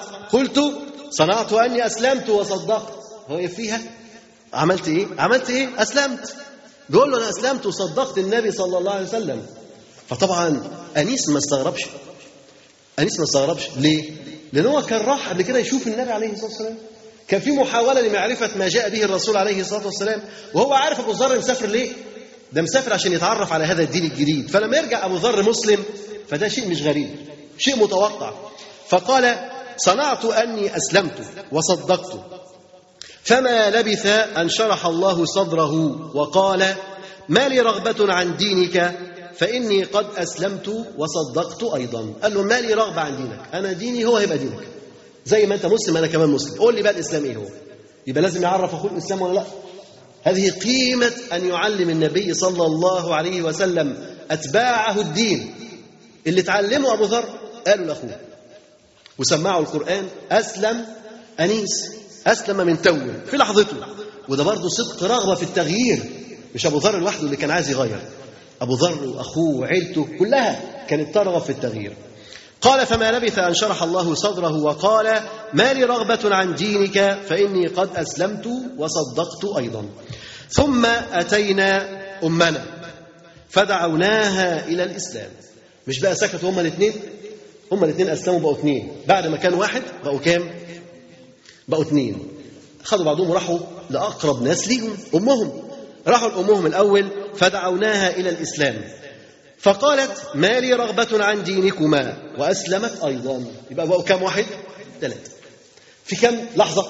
بص الوقت بيمر بسرعة إزاي؟ بسرعة مذهلة.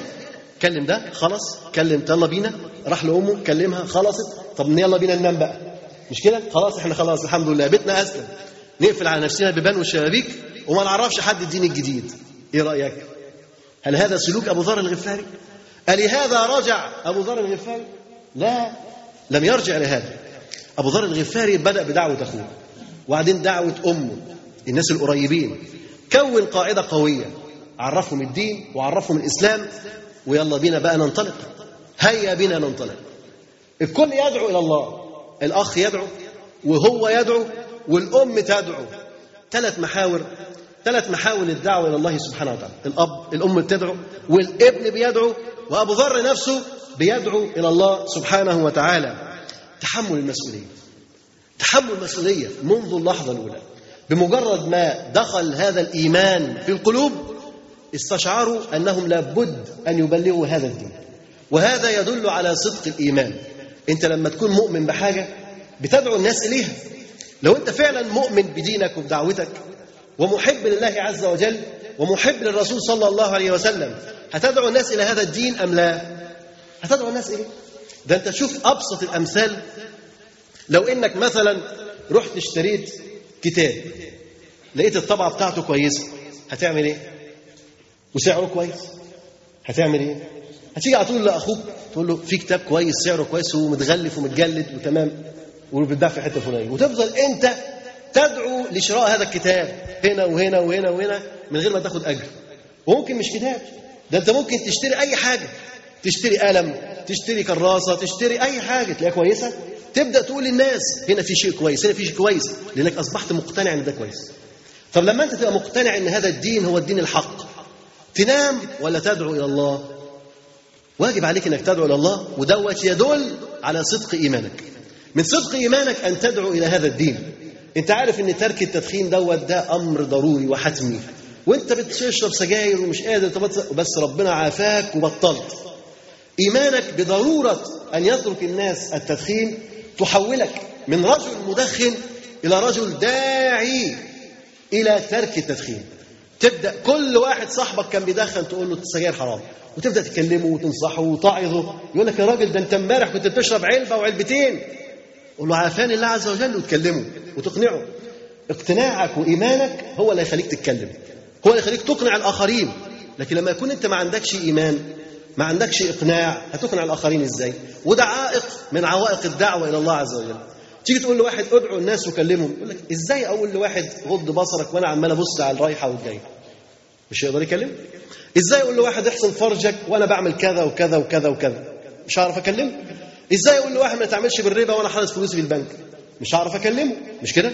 هي ديت عوائق الدعوة إنك مش عارف تتكلم لأنك أنت متهم لأنك أنت صاحب ذنب وصاحب وذر. نقول يجب عليك إنك تتوب وإنك أنت تدعو إلى ترك هذه الذنوب. مش معنى إنك أنك متلبس بالذنب إنك أنت مش هتدعو الناس إلى ترك الذنوب لا. أول شيء أدعو نفسك. أمرها بالاستقامة على أمر الله وشرع الله.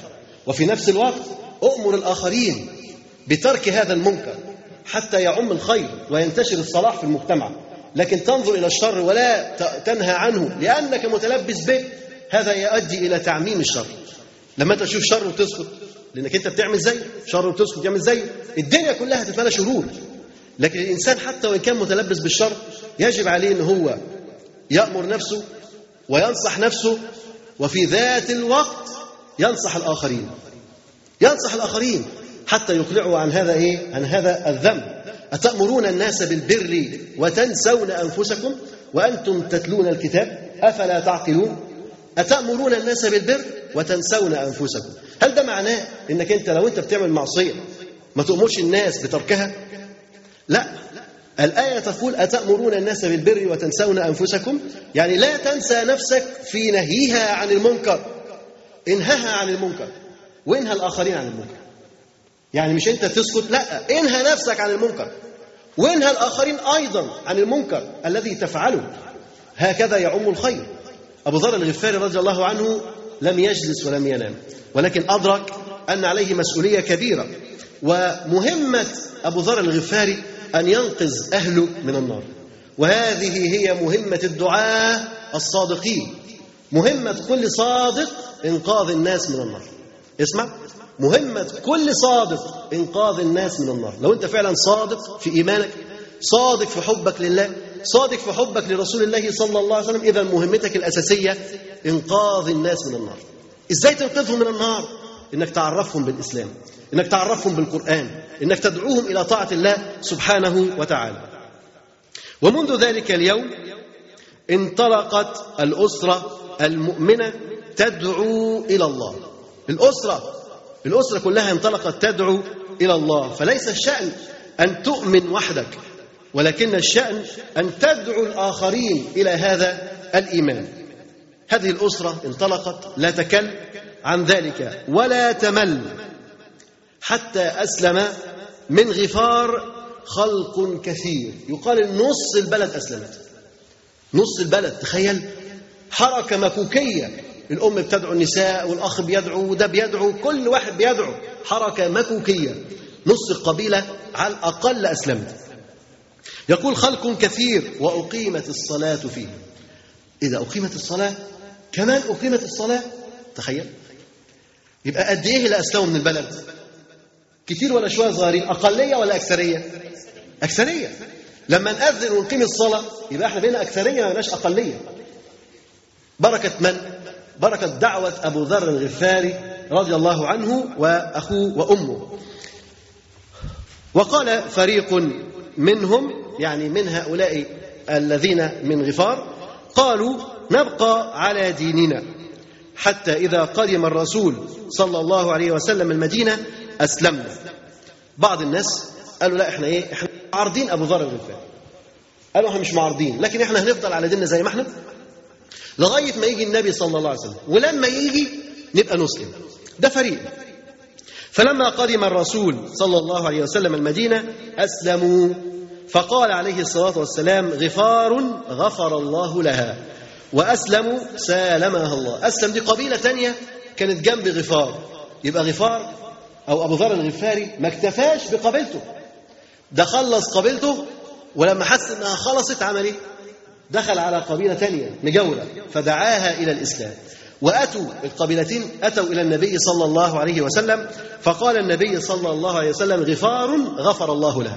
شعار وتاج ووسام شرف على صدر غفار بأسرها. إن النبي عليه الصلاة والسلام يقول غفار غفر الله له. طب وأسلم؟ قال وأسلموا سالمها الله. دعا لها أن يكون فيها السلام والأمن والبركة والخير. دعا لها أيضا. ده طبعا كان ببركة دعوة أبو ذر الغفاري رضي الله عنه. أقام أبو ذر في بادية في باديته حتى مضت بدر وأحد والخندق ثم قدم المدينة. فضل موجود في باديته لغاية ما مرت هذه الحروب وبعدين أتى إلى المدينة وانقطع إلى رسول الله صلى الله عليه وسلم واستأذنه في أن يقوم على خدمته. فأذن له ونعم بصحبته وسعد بخدمته. أبو ذر الغفاري أول ما جه كان طلبه بقى إيه من الرسول عليه الصلاة والسلام؟ عايز يقعد جنبه. عايز يخدمه. هو كان بعيد عن الرسول عليه الصلاة والسلام كم سنة تقريبا؟ أه احسن كده بسرعة. هو قابله سنة كام؟ واحد من البعث. واحد. بعد الخندق يبقى سنة كام؟ الخندق كانت سنة كام؟ خمسة. طب خمسة هجرية. يبقى في كام سنة كده؟ أربعة. ضعيف في الحساب شكلك? خمسة واثنين. كام؟ كام؟ مفيش حسابات ولا إيه؟ يا شيخ. حسابات. كام سنة طب قبل مكة كام سنة؟ مكة مكة كلها كام سنة؟ احسب من الأول. مكة كلها 13 سنة. مش كده شيل منهم سنة؟ يبقى كده 12 سنة. وبعد كده خمسة. المدينة يبقى كام؟ 17 يعني بقاله 17 سنة ما شافش الرسول عليه الصلاة والسلام. إيه 17 سنة؟ 17 سنة. واحد بيدعو قومه 17 سنة. هدف واحد. يدعوهم إلى الإسلام. الهدف ده يقعد قد إيه؟ 17 سنة. تباعدت الأبدان. لكن هل القلوب متباعدة؟ مش ممكن. حب زائد. رغبة في لقاء الرسول عليه الصلاة والسلام. فمهما تباعدت الأبدان هذا لا يضر. طالما أن القلوب تتلاقى. كم من أناس يكونوا بعيدين عنا كثيرا ويكونوا أحب إلينا ممن هو قريب منا. في واحد بيبقى حبيب إليك وهو بعيد عنك. بقالك عشر سنين ما شفتوش. لكن حبه في قلبك. النبي عليه الصلاة والسلام 17 سنة أبو ذر ما شافوش وبعد كده هو يجي عايز إيه بقى بعد 17 سنة؟ خلاص عايز يقعد جنب النبي كفاية عليا 17 سنة ما اشوفش الرسول عليه الصلاة والسلام. فخدم النبي عليه الصلاة والسلام. طلب منه إن هو يخدمه. فآذن له الرسول عليه الصلاة والسلام. فسعد أبو ذر بصحبة النبي صلى الله عليه وسلم. وهتبص تلاقي بعد كده إن أبو ذر رضي الله عنه يقول كنت ردف النبي صلى الله عليه وسلم على حمار. دايما يمشي مثلا إيه مع النبي عليه والسلام يركب وراه على الحمار يمشي مع النبي صلى الله عليه وسلم ملازم للرسول صلى الله عليه وسلم.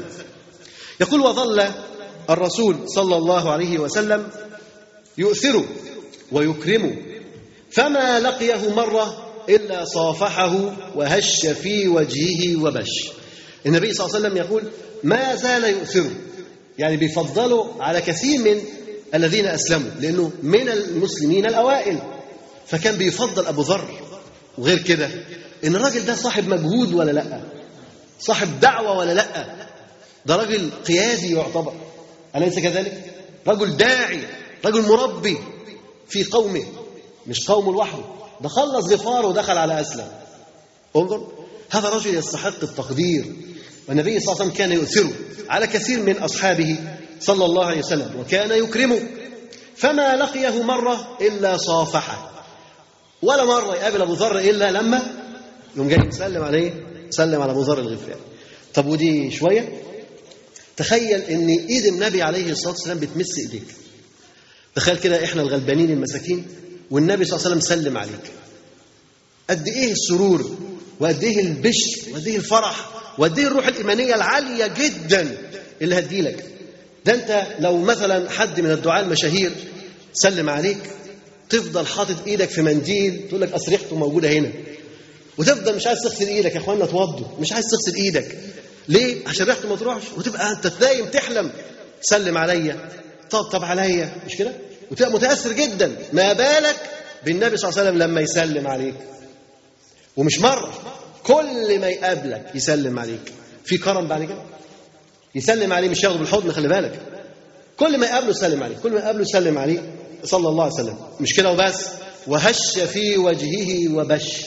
يعني ابتسم وهش وبش. يعني ابتسم وايه وأبدى السرور. يعني ممكن إيه واحد يبتسم في وشك بسمة؟ تقول له إيه البسمة الصفراء دي؟ ابتسم بسمة حلو. ممكن بيبتسم كده هو بس في المناسبات. لا كان النبي صلى الله عليه وسلم يبتسم بسمة فيها البشر فيها السرور.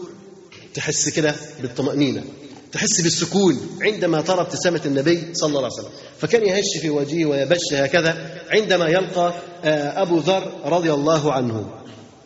ولقد أحبه النبي صلى الله عليه وسلم حبا جما من أعماق قلبه حتى إنه كان ذات مرة عن قال ذات مرة عن أبي ذر رضي الله عنه بي بي بيقول عن أبو ذر ما أظلت الخضراء وما أقلت الغبراء رجل أصدق من ذي لهجة ولا أوفى من أبي ذر شبيه عيسى بن مريم شبيه عيسى بن مريم في حيائه وزهده رضي الله عنه.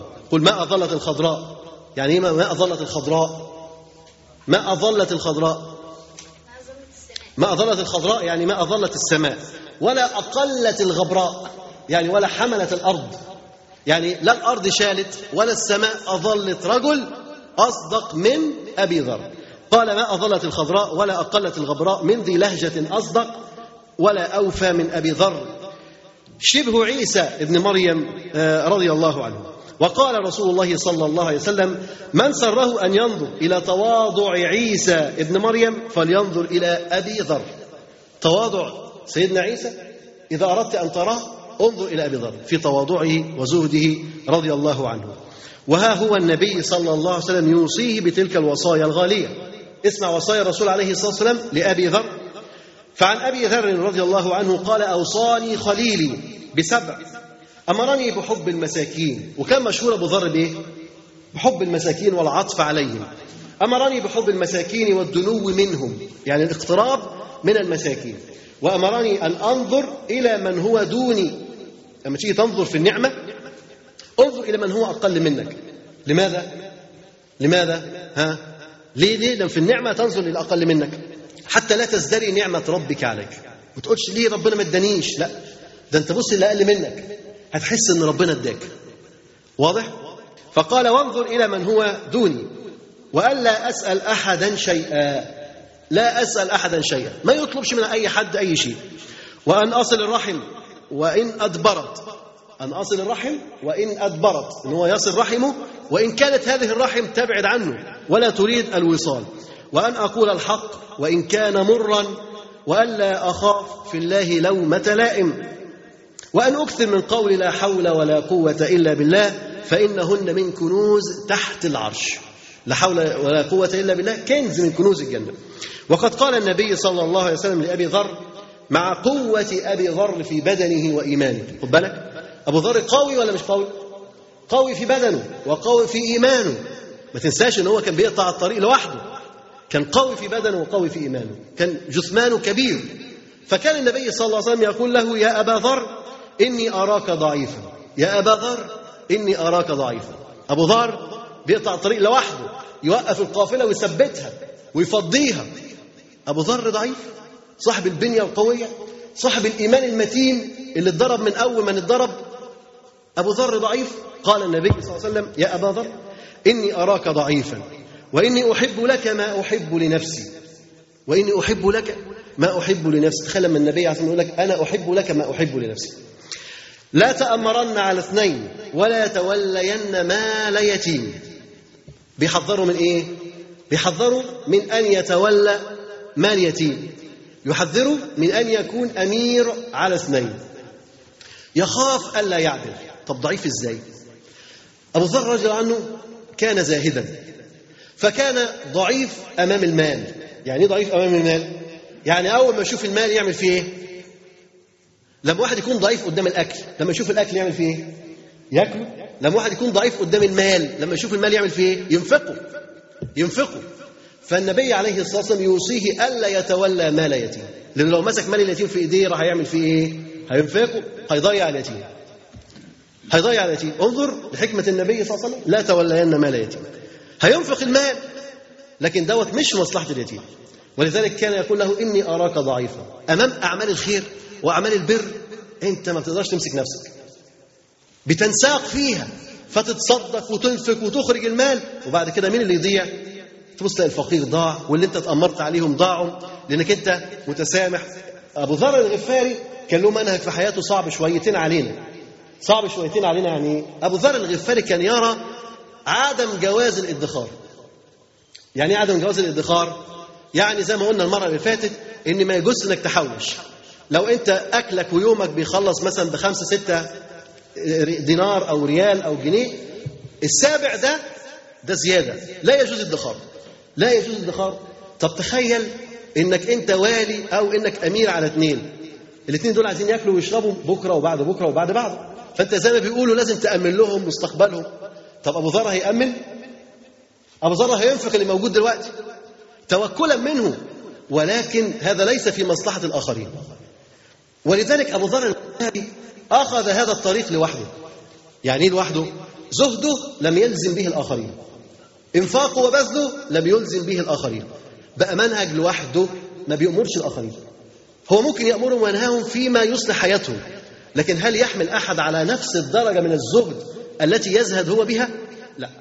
لأن مش كل الناس تقدر تسيب الدنيا كلها. لأن الزهد ترك هذه الدنيا. ترك الدنيا بما فيها والنظر للآخرة. محدش يقدر يعمل كده. والناس اللي تقدر تعمل كده درجات. في واحد يقدر يسيب واحد يقدر ما يسيبش. بدرجات. أبو ذر الغفاري كانت الدنيا كلها خارج قلبه. خارج قلبه. ولذلك كان لا يرى عليه حرص على هذه الدنيا ولا على المال. فكان النبي عليه الصلاة والسلام يقول له يا أبا ذر إني أراك ضعيفا وإني أحب لك ما أحب لنفسي. لا تأمرن على اثنين ولا تولين مال يتيم. أبو ذر الغفاري رضي الله عنه كان له موقف أيضا النبي عليه الصلاة والسلام ذكره لنا. كان في غزوة تبوك. كان في غزوة تبوك وكان النبي عليه في هذه الغزوة يتخلف عنه كثير من أصحابه فكل واحد يتخلف فالنبي عليه الصلاة والسلام كان يقول دعوه فإن يكن فيه خير فسيلحقه الله تعالى بكم وإن يكن غير ذلك فقد أراحكم الله منه. فلان اتأخر فلان ما جاش. النبي صلى الله عليه وسلم يقول لهم إيه؟ دعوه فان يكن فيه خير فسيلحقه الله بكم. وإن يكن غير غير ذلك فقد أراحكم الله منه. كل واحد يقول له اسمه يقول كده. كل واحد يقول اسمه يقول كده. وهم جالسين. وجد النبي صلى الله عليه وسلم وأصحابه سواد يأتي من بعيد شخصي يأتي من بعيد. فالنبي صلى الله عليه وسلم نظر بص كده ظل بس بيتحرك. فقال صلى الله عليه وسلم كن أبا ذر. كن أبا ذر. النبي صلى الله عليه وسلم بيحب أبو ذر. فقال كن أبا ذر. فلما أتى كان أبو ذر رضي الله عنه. عليه وسلم بيقول كن أبا ذر. يعني أسأل الله أن يكون الآتي هو أبو ذر. فلما قدم الصحابة كلهم شافوه مين؟ طلع أبو ذر رضي الله عنه فقال النبي صلى الله عليه وسلم رحم الله أبا ذر. يمشي وحده ويموت وحده ويبعث يوم القيامة وحده. أبو ذر الغفاري إيه اللي اخره أبو ذر الغفاري رضي الله عنه خرج. مع الناس خرج. ولكن أبو ذر كان راجل زاهد. حمارته كانت ضعيفة. وهو ماشي في السكة مش قادره توصله خلاص انهارت. عمل إيه في الحمارة؟ سابها. وكمل الطريق على رجله. تخيل في الصحراء يكمل الطريق على رجله. ماشي لوحده في الصحراء. النبي صلى الله عليه وسلم قال رحم الله أبا ذر. يمشي وحده. يمشي وحده ولا لا؟ ويموت وحده. برضه هيموت لوحده؟ في صحراء كده؟ ما حدش يسمع عنه حاجة؟ ويبعث يوم القيامة وحده متفرد في طريقته. متفرد في سمته متفرد في هديه متفرد في زهده رضي الله عنه. موت أبو ذر رضي الله عنه تحكيه لنا أم أبي ذر. تحكي لنا أم ذر رضي الله عنه. أم ذر يعني زوجته. تحكي لنا أم ذر قصة وفاته فتقول لما حضر أبا ذر الوفاة بكيت بكت بكت. حزينة مش كده؟ حزينة على أبو ذر؟ ده شيء طبيعي. بس هي حزينة على حاجة تانية كمان.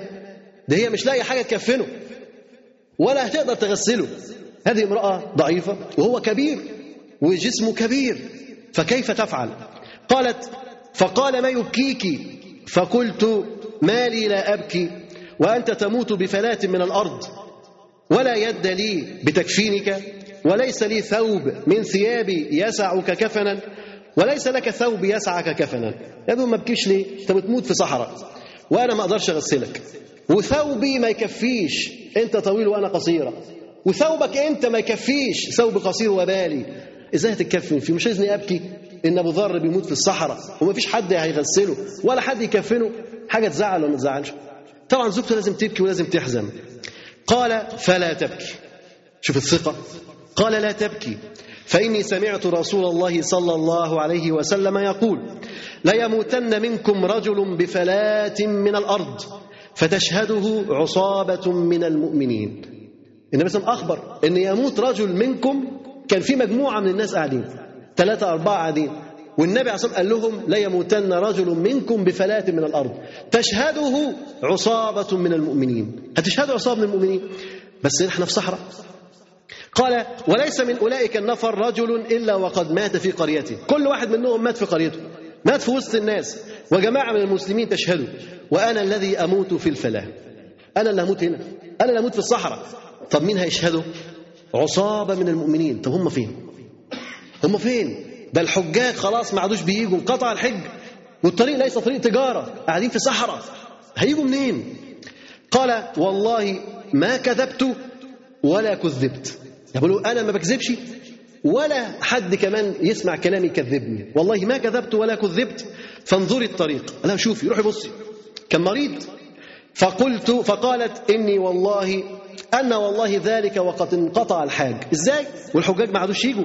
فكانت تنشد إلى كثيب يعني تطلع على كوم رملة عالي. تروح تبص كده تشوف يمكن حد جاي وترجع تاني تداوي أبو ذر. كانت تشتد إلى كثيب تقوم عليه تنظر ثم ترجع إليه فتمرضه. ثم ترجع إلى الكثيب فبينما هي كذلك إذ بنفر تخب بهم رواحلهم كأنهم الرخم. تخب بهم رواحلهم كأنهم الرخم. يعني الرواحل بتاعتهم بتمشي تتهادى بهم وبتتحرف بتميل علينا.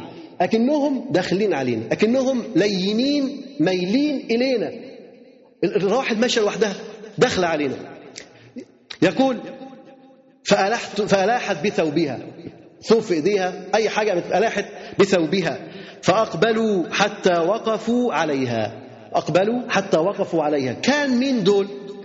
دول كانوا عبد الله بن مسعود رضي الله عنه آتي من العراق ومعه وفد فوقفوا عليها على طول فبيسألوها. قالوا ما لك؟ قالت امرئ من المسلمين تكفنونه يموت؟ قالوا من هو؟ بتقول لهم واحد من المسلمين هيموت. تكفنوه؟ فقالوا لها من هو؟ قالت أبو ذر. أبو ذر ده خد بالك عبد الله بن مسعود ده صحابي. عارف أبو ذر ولا مش عارفه؟ كل اللي معاه دول عارفين أبو ذر. أبو ذر يفتكروا بقى أبو ذر الرجل الزاهد العابد هنا في المكان ده.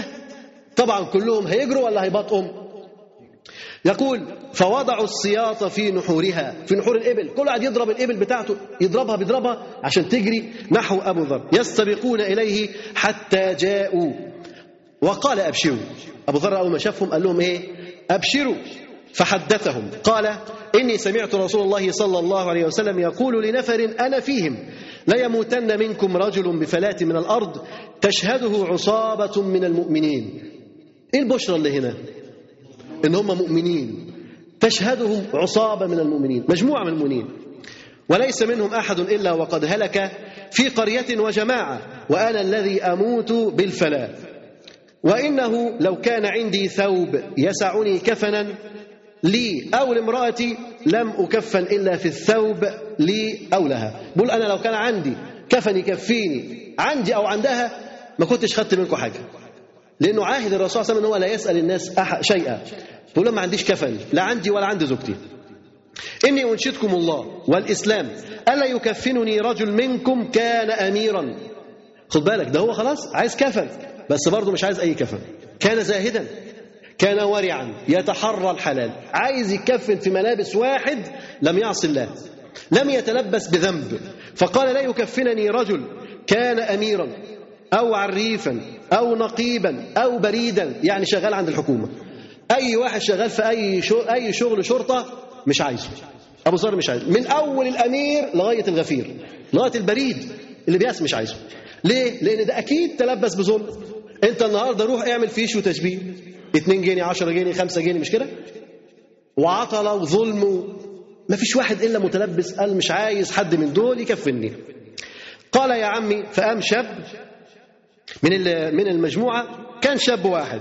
فليس أحد من القوم إلا قارف بعد ما قال إلا فتى من الأنصار. قال يا عمي أنا أكفنك.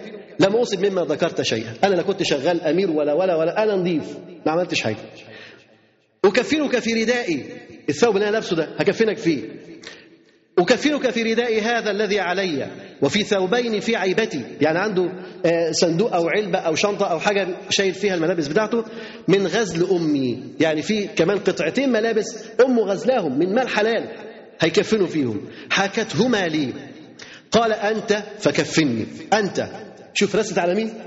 على الشاب الشاب الصغير ده. قال له أنت فكفني فكفنه الأنصاري في النفر الذي شهدوه كفنه ثم مات رضي الله عنه. ولما مات حفروا له وحملوه ودفنوه رضي الله عنه. وبعدها أرسل عثمان رضي الله عنه إلى أهله فضمهم إلى أهله وعاشوا عند عثمان. رضي الله عنه. فرضي الله عن أبي ذر ورحمه وغفر الله لأصحاب النبي صلى الله عليه وسلم أجمعين وصلى اللهم على محمد وعلى آله وصحبه أجمعين. وسبحانك اللهم وبحمدك أشهد أن لا إله إلا أنت أستغفرك وأتوب إليك. والسلام عليكم ورحمة الله وبركاته. وختاما تقبلوا تحيات إخوانكم في تسجيلات السلف الصالح بالإسكندرية. هاتف رقم صفر ثلاثة فاصل أربعة تسعة أربعة سبعة ستة خمسة. اثنان والتليفون محمول صفر عشرة واحد ستة أربعة واحد تسعة ثمانية صفر. والسلام عليكم ورحمة الله وبركاته.